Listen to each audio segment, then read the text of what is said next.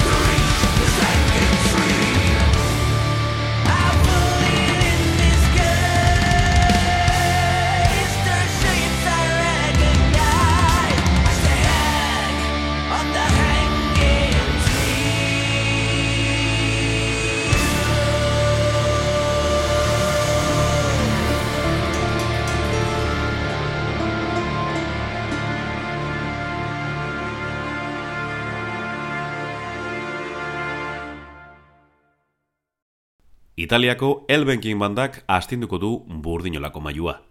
Folk metal festazalearen moda iritsi aurretik erabaki zuten heavy metala eta folklorea nahastea. Ordutik, eskola propioa eraiki dute biolinaren konpainia estimatuarekin. Reader of the Runes, Rapture, disko berria, trilogia baten bigarren atala da, eta euren historioa kontatzeko oso aproposa. The Hanging Tree abestiarekin abiatu dugu Italiarrei eskainetako programa. Bilagun gitarra jotzailek sortu zuten larogeita amazazpian Elbenking taldea Italiako Zazile udalerrian. Aidan eta Harpen musikariek heavy metala eta folka gustuko zituzten. Hasierako boskotea Sargon basu jotzailearekin, Damnagoras abeslariarekin eta Zender bateriarekin osatu zuten. Euren izengoitiak erabiliko ditugu izen abizen italiar eleganteak dituzten arren. 2000 garren urtean, To Oak Boots Bestowed maketa grabatu zuten diskoetxeren bat topatzeko, baita lortu ere. Alemaniako AFM rekordsekin sinatu zuten. Ordurako, bikote sortzaileak sargonen utxunea gorlan lagunarekin bete zuen. Aldaketak aldaketa, 2000 eta batean argitaratu zuten Heathen Real estraineko diskoa. Detaile guztiak zaindu zituzten. Luigi Estefaninirekin grabatu zuten New Sin estudioetan eta Frederick Nostromek nahastu zuen. Logoa, JP Fournier ilustratzaileak egin zien eta azala Travis Smith jaunak. Hau duzue, Pagan Purity.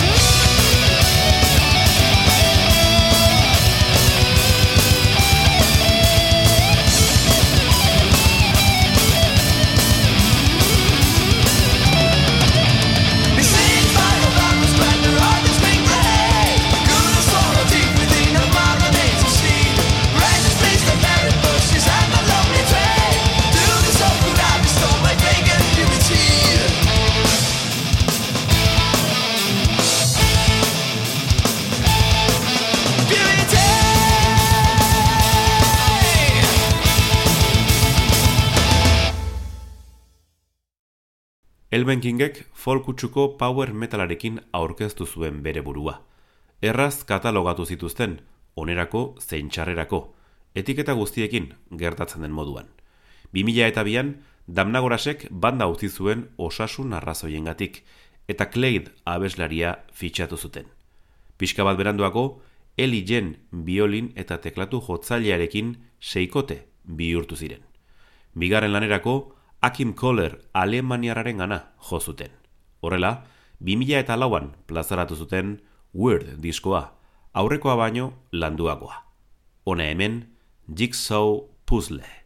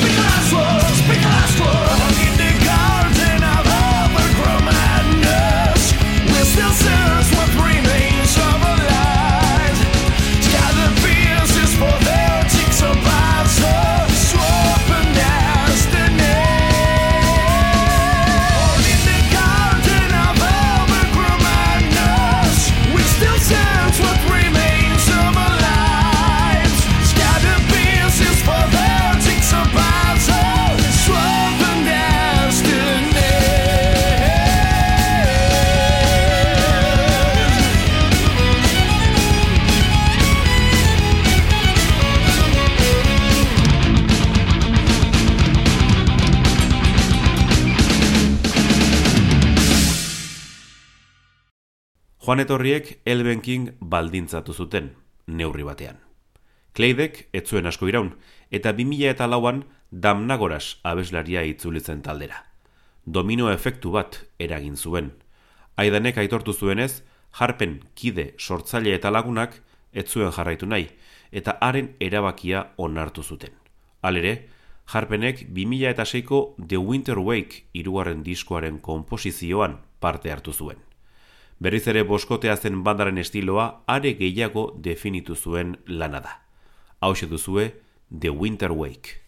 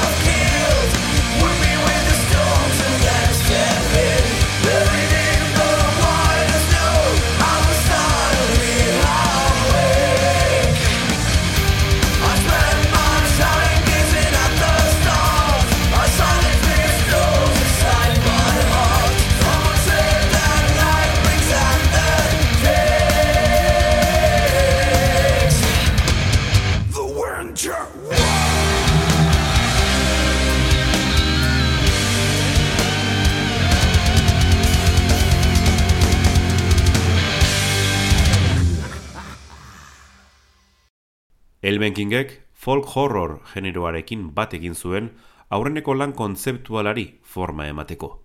Eriotzari buruzko istorio bat asmatu zuten, emakume maltzur baten bidez. Horren guztiaren emaitza da, 2000 eta zazpiko The Size laugarren diskoa. Musikalki baliteke zertxo bait ilunagoa izatea, baina fintzen ari ziren folk kutsuko power metalaren hildokoa da. Ona hemen, Lost Hill of Memories.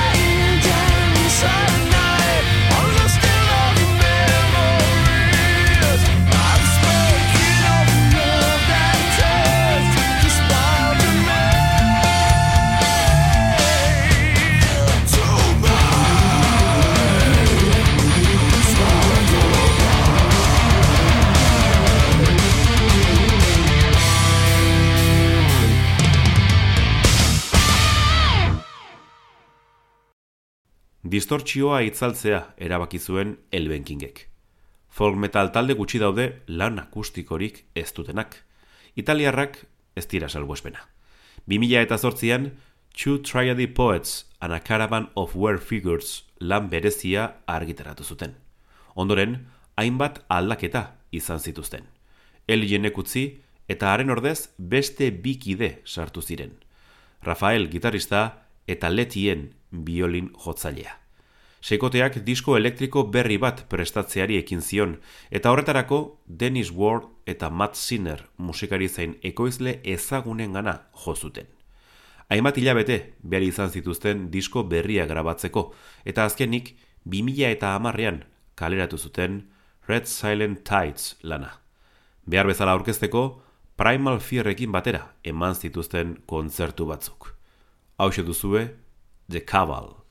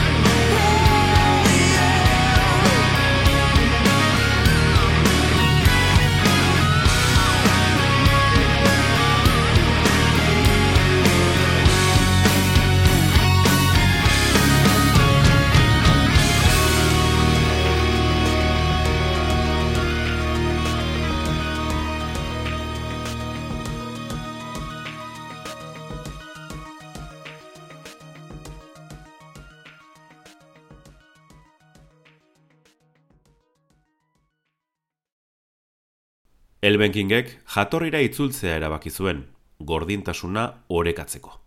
Horregatik, 2000 eta amabiko era zazpigarren diskoak aurrenekoen kutsu folkia dauka. Ein batean, izaera tradizionala lehen esten du heavy eta power metal doinuekin irabiatuta. Aipatzekoak dira, John Olivaren eta Winter Sun taldeko Teemu Mantisari gitaristaren kolaborazioak. Ordurako, bandak aldaketa gehiago izan zituen. Zender eta Gorlan agurtu eta Simon bateriari eta Jacob bajistari ongi etorria egin zieten.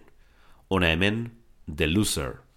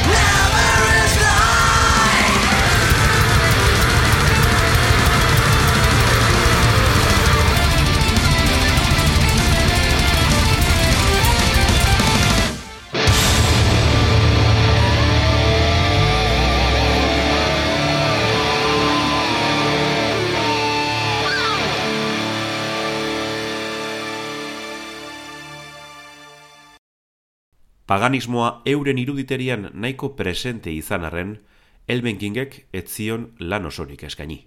Hori, 2000 eta amalauan aldatu zen. The Pagan Manifesto zortzigarren diskoarekin manifestu propioa azaleratu zuten. Musikalki berriz, lehen bilanetako folk power metalura berreskuratu zuten, atzera begirako ariketari jarraipena emanez. Italiaren errepertorioko ereserkietako bat da ondorengoa. Elven Legends.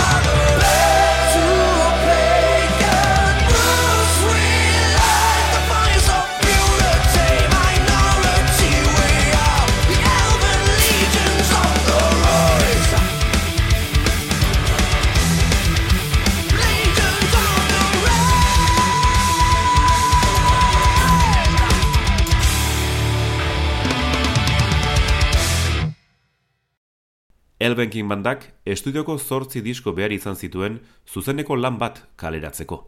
2000 eta amabostean grabatu eta plazaratu zuten The Night of Nights izen burupean. Estudioko kontu heltzerakoan bateriaz aldatu zuten. Langsek hartu zuen Simonen lekua. Oinarria mantendu zutenez, joera beraren altzotik atera zuten 2000 eta amazazpiko Secrets of the Magic Grimoire diskoa. Hau duzue, Draugens Malmstrom.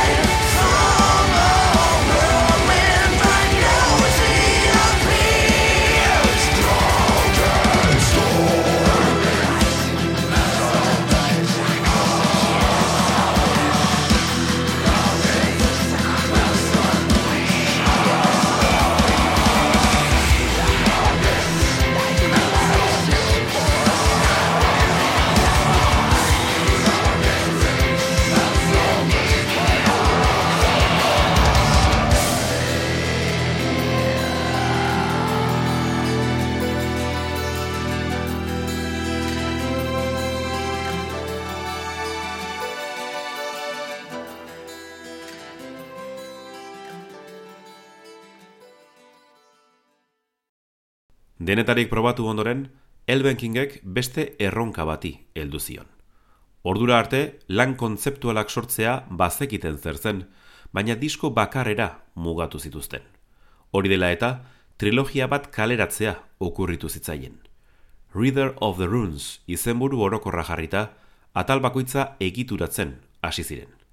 Divination lehen atala, 2000 eta emeretzian argitaratu zuten, pandemia iritsi baino hilabete batzuk lehenago. Etzekitena zen, historioari jarrepena emateko denbora igaro beharko zela. Ona hemen, Under the Sign of a Black Star.